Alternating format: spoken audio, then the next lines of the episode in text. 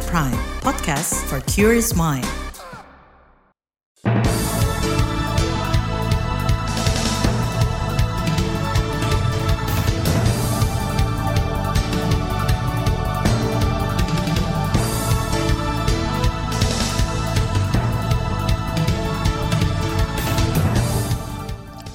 Selamat pagi saudara, senang sekali kami bisa menjumpai Anda dalam Buletin Pagi edisi Kamis 9 Maret 2023.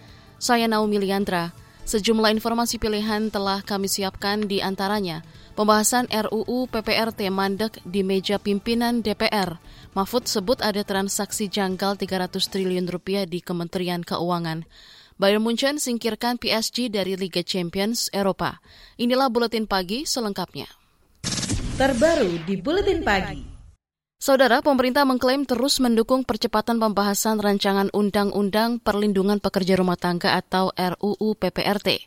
Komitmen itu disampaikan Asisten Deputi Bidang Peningkatan Partisipasi Keluarga di Kementerian Pemberdayaan Perempuan dan Perlindungan Anak, Kemen PPPA, Prijadi Santoso.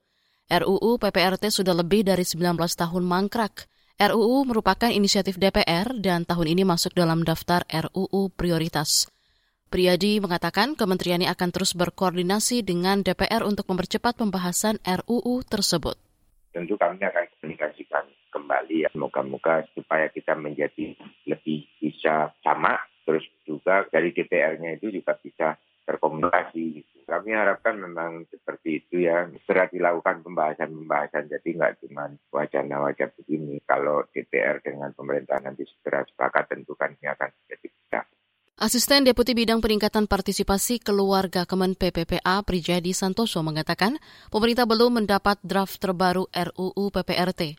Meski begitu dia mengklaim kementeriannya sudah menyiapkan daftar inventarisasi masalah DIM supaya pembahasan bisa lebih cepat. Upaya itu merupakan tindak lanjut dari arahan Presiden Joko Widodo pada pertengahan Januari lalu. Saat itu Jokowi mendorong jajaran terkait untuk mempercepat pengesahan RUU PPRT. Sebelumnya, Komisi Nasional Anti Kekerasan Perempuan Komnas Perempuan menyoroti maraknya praktik kekerasan yang dialami perempuan pekerja rumah tangga. Itu disampaikan Ketua Komnas Perempuan Andi Yentriani dalam rangka peringatan Hari Perempuan Internasional 2023. Andi mengatakan perlindungan terhadap pekerja rumah tangga tidak cukup hanya lewat Undang-Undang Penghapusan Kekerasan dalam Rumah Tangga UU PKDRT. Hal ini juga menjelaskan mengapa kehadiran Undang-Undang PKDRT saja tidak cukup untuk melindungi pekerja rumah tangga. Dan karena itu kita membutuhkan payung hukum yang terpisah untuk menegaskan pengakuan dan jaminan pelindungan bagi pekerja rumah tangga. Dari laporan tahunan, Komnas Perempuan mencatat ada 50-an kekerasan yang dilakukan majikan terhadap perempuan di tempat kerja selama 2022. Jumlah itu menempati posisi empat teratas dalam aduan masyarakat terkait kekerasan di ranah publik. Kata Andi, data tersebut harus menjadi acuan DPR dan pemerintah untuk mendorong percepatan pengesahan RUU PPRT. Sementara itu Ketua Panja RUU PPRT Willy Aditya menyebut pembahasan RUU mandek di meja Ketua DPR Puan Maharani. Dia mempertanyakan sikap pimpinan DPR yang terkesan tak kunjung meloloskan RUU PPRT. Dia mengklaim sudah tiga kali bersurat ke pimpinan DPR agar RUU itu segera dibawa ke paripurna. Terlepas dari itu, Willy yakin RUU akan lolos ke paripurna untuk disahkan menjadi usulan inisiatif DPR. Pasalnya sudah ada tujuh fraksi di parlemen yang mendukung. Dua fraksi lainnya, PDI Perjuangan dan Golkar, disebut-sebut belum sepakat. Peluangnya sangat besar ya, karena tujuh fraksi sebagai modal dasar ya, untuk ini disahkan. Nah, itu yang kemudian menjadi catatan penting. Setiap badan, rapat badan musyawarah kami selalu menyuarakan dan selalu di paripurna kami interupsi untuk ini segera diparipurnakan. Itu tadi Ketua Panja RUU PPRT Willy Aditya. Saudara desakan agar RUU PPRT segera dibahas dan disahkan terus disuarakan oleh aktivis perempuan, salah satunya perempuan Mahardika. Koordinator Perempuan Mahardika, Mutiara Ika Pratiwi, meminta pimpinan DPR berempati kepada para pekerja rumah tangga yang rentan mengalami tindak kekerasan. Betul-betul negara kita sudah sangat gawat darurat gitu. Karena RUU kebijakan yang tidak ada alasan untuk tidak segera disahkan ini masih saja mangkrak itu situasi negara kita sudah gawat. Untuk Ibu Puan Maharani selaku Ketua DPR jadi kan sangat berharap Ibu Puan dan juga pimpinan DPR yang lain tolong lihat dan berikan empati pada kawan-kawan PRT yang selama ini sudah berjuang kemudian bertahan hidup dalam situasi kerja yang rentan kekerasan dan diskriminasi, kami berharap RUU PPRT untuk segera disahkan. Koordinator Perempuan Mahardika Mutiara Ika Pratiwi menegaskan para aktivis perempuan akan terus menggelar aksi di depan gedung DPR hingga RUU ini disahkan. Aksi digelar rutin setiap Rabu. Ika juga menagih janji pemerintah yang sebelumnya menyatakan komitmen mendorong pengesahan RUU PPRT. Saudara Menko Polhukam Mahfud MD menyebut ada transaksi janggal senilai 300 triliun rupiah di Kementerian Keuangan. Informasi selengkapnya hadir sesaat lagi. Tetaplah di Buletin Pagi KBR. You're listening to KBR Pride, podcast for curious mind. Enjoy!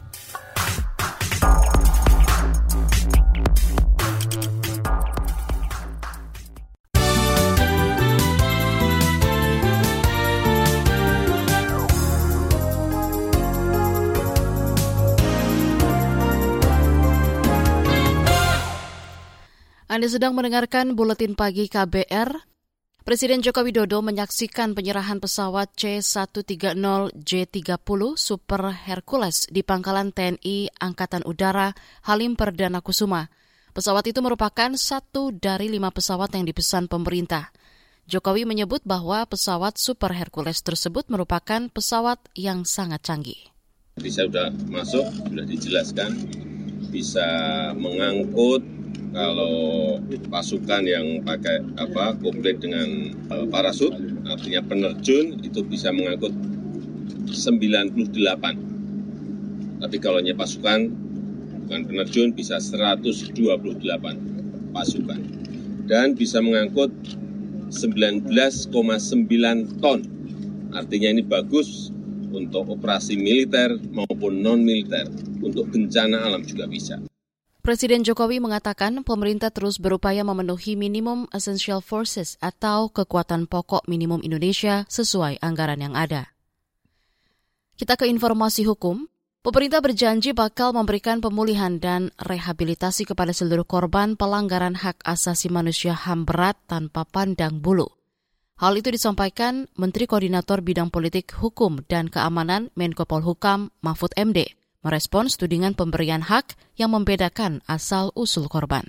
Dan kita akan memberi rehabilitasi. Bukan hanya PKI, kita juga akan memberi santunan dan rehabilitasi sosial, politis, psikologis kepada korban dukun santet yang korbannya semua orang pesantren di Banyuwangi. Korban rumah gedong di Aceh. Korban simpang kali KL, korban sing KA di Aceh dan sebagainya. Yang itu umat Islam semua. Bukan kita mau minta ke PKI ini semua korban pelanggaran HAM berat. Menko Polhukam Mahfud MD meminta agar sejumlah peristiwa pelanggaran HAM berat tidak dikaitkan dengan kelompok tertentu. Ia memastikan seluruh korban pelanggaran HAM berat diakui oleh pemerintah. Soal lain, Menko Polhukam Mahfud MD menyebut ada transaksi mencurigakan hingga ratusan triliun di lingkungan Kementerian Keuangan Kemenkeu. Mahfud mengaku sudah menyerahkan informasi tersebut kepada Menteri Keuangan Sri Mulyani dan Kepala Pusat Pelaporan dan Analisis Transaksi Keuangan PPATK Ivan Yustiavandana. Dia menyebut transaksi mencurigakan itu mencapai 300 triliun rupiah. Masih terkait polemik pajak, Kementerian Keuangan resmi memecat Rafael Alun Trisambodo dari aparatur sipil negara ASN Ditjen Pajak. Inspektur Jenderal Kementerian Keuangan Awan Nurmawanuh mengatakan keputusan itu diambil karena Rafael dinilai melakukan pelanggaran berat. Terbukti yang bersangkutan tidak menunjukkan integritas dan keteladanan dalam sikap, perilaku, ucapan, dan tindakan kepada setiap orang, baik di dalam maupun di luar kedinasan, dengan tidak melaporkan LHKPN secara benar tidak patuh dalam pelaporan dan pembayaran pajak, serta memiliki gaya hidup pribadi dan keluarga yang tidak sesuai dengan asas kepatutan dan kepantasan sebagai ASN. Itu tadi Irjen Kementerian Keuangan Awan Nurmawan Nuh. Rafael Alun disorot usai anaknya Mario diduga kuat menganiaya seorang remaja. Kekayaan Rafael juga disorot karena dinilai tidak wajar. PPATK mengendus puluhan rekening Rafael dan keluarga yang bernilai mencapai 500 miliar rupiah. Puluhan rekening itu kini telah diblokir. Kita ke informasi pemilu. Kabar pemilu. Kabar pemilu. Partai Rakyat Adil Makmur Prima mengklaim tidak mendukung penundaan pemilu 2024. Ketua Umum Prima Agus Jabo Priyono mengatakan partainya hanya menggugat tindakan KPU yang dinilai tidak profesional. Gugatan itu dikabulkan oleh Pengadilan Negeri Jakarta Pusat dengan putusan menunda pemilu. Kita hanya mencari hak sebagai warga negara yang ingin berpolitik, membangun partai politik supaya bisa ikut pemilu. Hanya itu. Dan kawan-kawan bisa track. Apakah kemudian kita berkampanye melakukan penundaan itu tidak ada. Kita justru berkampanye mengatakan bahwa penundaan pemilu adalah inkonstitusional. Ketua Umum Prima Agus Jabo Priyono mengatakan bakal mencabut gugatan terhadap KPU jika partainya diloloskan menjadi peserta pemilu 2024. Kata dia keputusan KPU tidak meloloskan partainya pada tahap verifikasi merupakan tindakan melawan hukum. Kita ke informasi ekonomi. Program insentif untuk kendaraan listrik diklaim mampu menyelamatkan devisa negara hingga 55 triliun rupiah. Direktur Eksekutif Komite Penghapusan Bensin Bertimbal KPBB, Ahmad Syarfrudin, mengatakan devisa negara bisa dihemat jika impor BBM ditekan seiring penggunaan kendaraan listrik.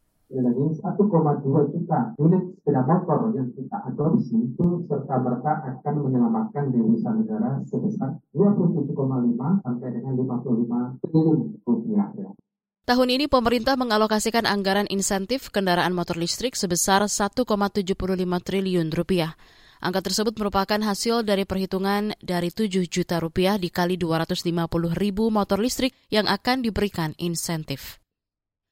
Beralih ke berita mancanegara, China mengisyaratkan kemungkinan perang dengan Amerika Serikat. Dilansir dari CNN, Menteri Luar Negeri China, Qin Kang, mengatakan konflik terbuka tak dapat dihindari jika Amerika tidak mengubah perilaku dan kebijakannya selama ini.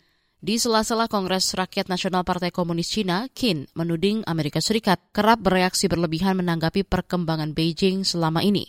Kata dia, Amerika Serikat seolah menganggap Cina sebagai saingan utama dan tantangan geopolitik terbesar. Beralih ke berita olahraga. Klub sepak bola asal Jerman Bayern Munchen lolos ke perempat final Liga Champions Eropa setelah menang 2-0 atas wakil Prancis PSG. Hasil ini membuat Bayern menang dengan agregat 3-0 dan menyingkirkan harapan PSG menjuarai Liga Champions. Sementara itu Inter Milan bakal memperebutkan tiket perempat final melawan FC Porto pada pekan depan. Sedangkan Manchester City akan berhadapan dengan RB Leipzig. Di bagian berikutnya kami hadirkan laporan khas KBR tentang stok beras terancam defisit hampir sepanjang tahun. Tetaplah di Buletin Pagi KBR. You're listening to KBR Pride, podcast for curious mind. Enjoy!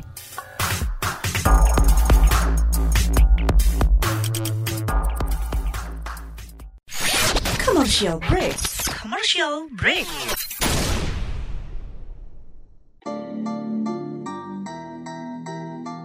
Come on yo, buat yang sukanya berhoax, you better listen to this one. Check this one out yo. Hati-hati kalau baca kabar. Hoax.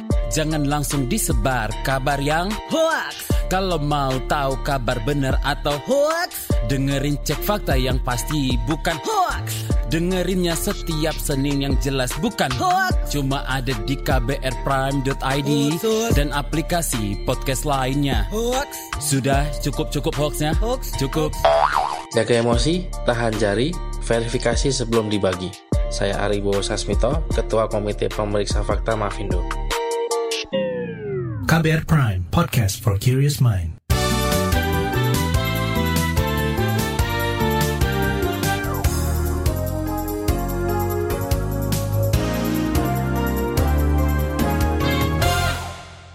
Anda masih bersama kami di Buletin Pagi KBR. Saudara komoditas beras menjadi penyumbang inflasi terbesar pada Februari lalu. Inflasi pangan menekan daya beli masyarakat sehingga berpotensi meningkatkan angka kemiskinan. Selain inflasi, ancaman lain adalah cuaca ekstrim dan defisit stok beras hingga akhir tahun lalu. Lalu apa upaya pemerintah mengendalikan stok beras dan menekan angka kemiskinan? Berikut laporan khas KBR yang disusun jurnalis Mutia Kusuma Wardani. Badan Pusat Statistik BPS memperkirakan harga beras masih tinggi meski memasuki panen raya akibat cuaca ekstrim. Deputi Bidang Statistik, Distribusi dan Jasa BPS, Puji Ismartini mengatakan, meski proyeksi produksi padi meningkat, namun gabah yang dipanen akan berkualitas lebih rendah. Dampaknya, penggiling akan menghadapi ongkos produksi lebih tinggi untuk mengeringkan gabah sehingga mengerek harga jual ke konsumen. Cuaca ekstrim yang mengakibatkan banjir juga mengancam panen raya di sejumlah wilayah meliputi Sumbawa hingga Mojokerto. Selanjutnya, jika kita rinci menurut kelompok pengeluaran, ya, penyumbang inflasi bulanan terbesar pada Februari 2023 adalah kelompok makanan, minuman, dan tembakau. Komoditas penyumbang inflasi secara mantuman terbesar di antaranya adalah beras, rokok kretek filter, bawang merah, cabai merah, dan rokok putih. Puji memerinci komoditas beras memberikan andil terhadap inflasi secara tahunan sebesar 0,32 persen dan andil secara bulanan sebesar 0,08 persen. Badan Pangan Nasional Bapanas memperkirakan Indonesia akan defisit beras selama 9 bulan, yakni pada Januari, Mei, hingga Desember. Sedangkan Februari, Maret, dan April akan terjadi surplus beras. Direktur Stabilisasi Pasokan dan Harga Pangan Badan Pangan Nasional Bapanas, Maino Dwi Hartono memperkirakan produksi beras pada 2023 mencapai 55 juta ton dengan total defisit lebih 800 ribu ton. Pemerintah berencana menyalurkan bantuan sosial berupa beras, telur, dan ayam, terutama menjelang Ramadan dan Idul Fitri. Tujuannya menekan inflasi dan angka kemiskinan. Menteri Koordinator Perekonomian Erlangga Hartarto mengatakan, bansos akan diberikan kepada masyarakat miskin antara lain penerima program Keluarga Harapan PKH. Dan juga kami mengingatkan bahwa bulan Maret ini akan ada survei terkait dengan kemiskinan, sehingga tentu diharapkan kita bisa menahan inflasi agar kemiskinan tidak meningkat. Nah, bantuan sosial ini akan dilaksanakan di bulan Maret, April, dan Mei. Kedua, optimalisasi operasi pasar dan pasar murah untuk komoditas pangan strategis dan di sini Kepala Badan Pangan sedang juga mempersiapkan beserta Bulog. Kajian subsidi beras meliputi jumlah penerima hingga anggaran yang disiapkan pemerintah. Kementerian Keuangan mengatakan jumlah keluarga penerima manfaat sebesar lebih 20 juta. Namun ada data baru KPM sehingga akan ada perubahan. Menurut Ikatan Pedagang Pasar Indonesia IKAPI, Kenaikan harga beras terjadi lantaran Badan Urusan Logistik Bulog tak maksimal menyerap beras petani pada tahun lalu. Ketua IKAPI Abdullah Mansuri mengatakan, harga beras di atas harga eceran tertinggi terjadi di hampir seluruh wilayah Indonesia. Kenaikan diperkirakan masih terus terjadi hingga masa panen raya pada Maret dan April 2023. Ketua Umum IKAPI Abdullah Mansuri mendorong pemerintah menggandeng seluruh pemangku kepentingan untuk menjaga stabilitas harga beras. Terlebih menjelang Ramadan, kerap memicu peningkatan kebutuhan masyarakat terhadap komoditas pangan strategis. Namun, tingginya harga beras menjadi salah satu penyebab menurunnya daya beli masyarakat. Berdasarkan analisis pengamat pertanian dari Asosiasi Ekonomi Politik Indonesia AEPI, Kudori, harga beras yang masih tinggi membuktikan lemahnya intervensi pemerintah. Sebab stok beras domestik akhir tahun lalu tak cukup membanjiri pasar. Selain itu, pemerintah juga terlambat mengimpor beras sehingga cadangan beras pemerintah CBP tidak cukup menekan lonjakan harga beras. Kenapa harga sekarang masih tinggi? Kalau saya lihat, sepertinya Bulog agak menekan, agak agak agak agak, agak menekan untuk melakukan operasi tangkap. Karena kalau kalau lihat data terakhir, Mbak, Desember eh, 2022 lalu ya, akhir tahun gitu ya, stoknya itu hanya 326 kalau nggak salah, 326 ribu. Ini lagi-lagi stok terendah sepanjang sejarah. Pada kesempatan berbeda, pengamat ekonomi Center of Economic and Law Studies Selios, Muhammad Andri, mendorong pemerintah tidak bergantung dengan impor beras untuk menekan harga. Sebab impor beras merupakan solusi jangka pendek dan sangat merugikan petani. Impor juga tak membuat Indonesia mempunyai ketahanan pangan. Demikian laporan khas KBR yang disusun Mutia Kusumawardani. Saya Sindu Darmawan. Informasi dari berbagai daerah akan hadir usai jeda. Tetaplah bersama Buletin Pagi KBR. You're listening to KBR Pride, podcast for curious mind. Enjoy!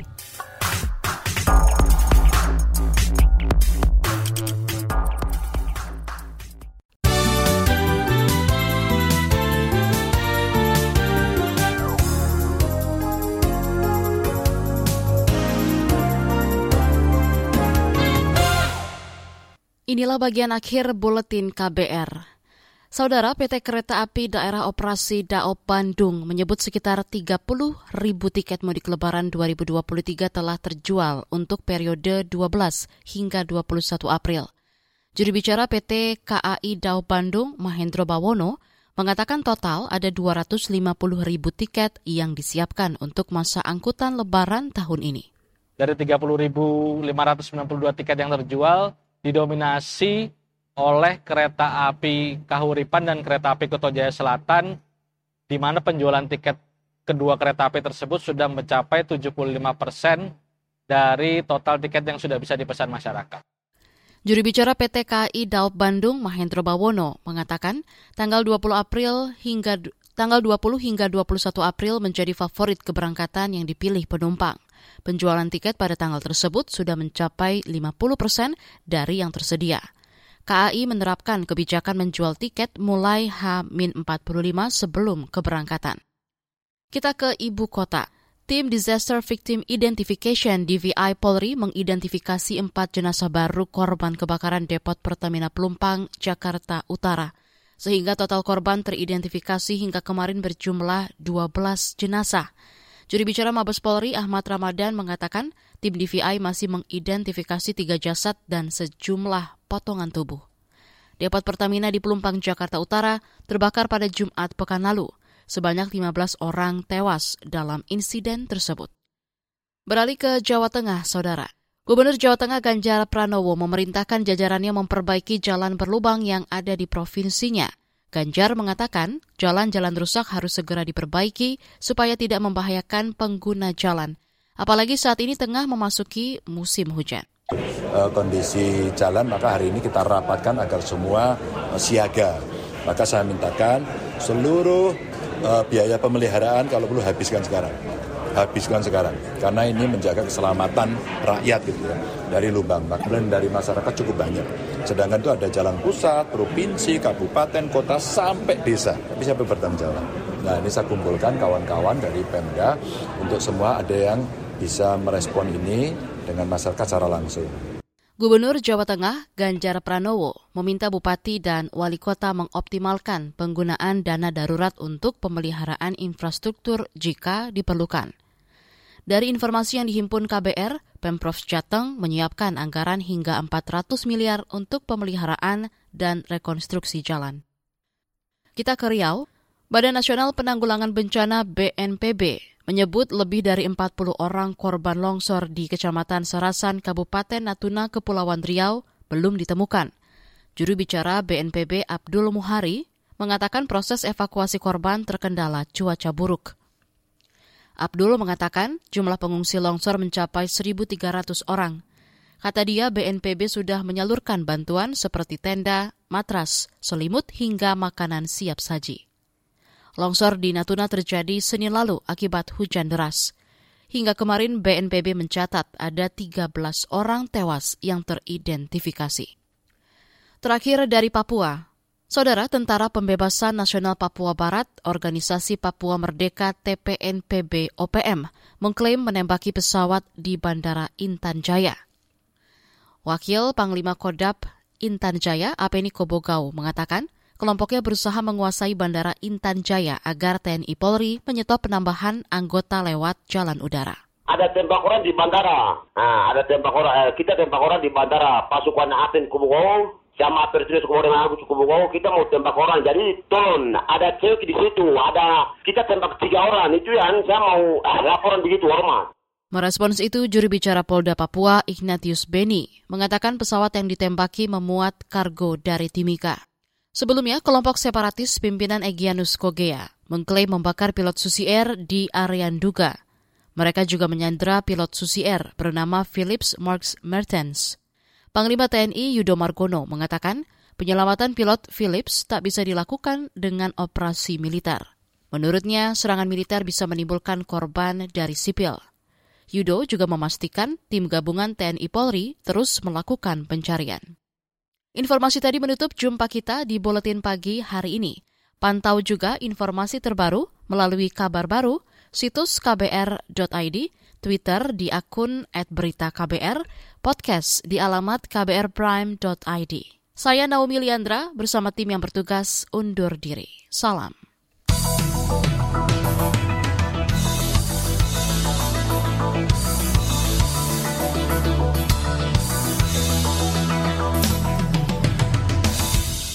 KBR Prime, cara asik mendengar berita.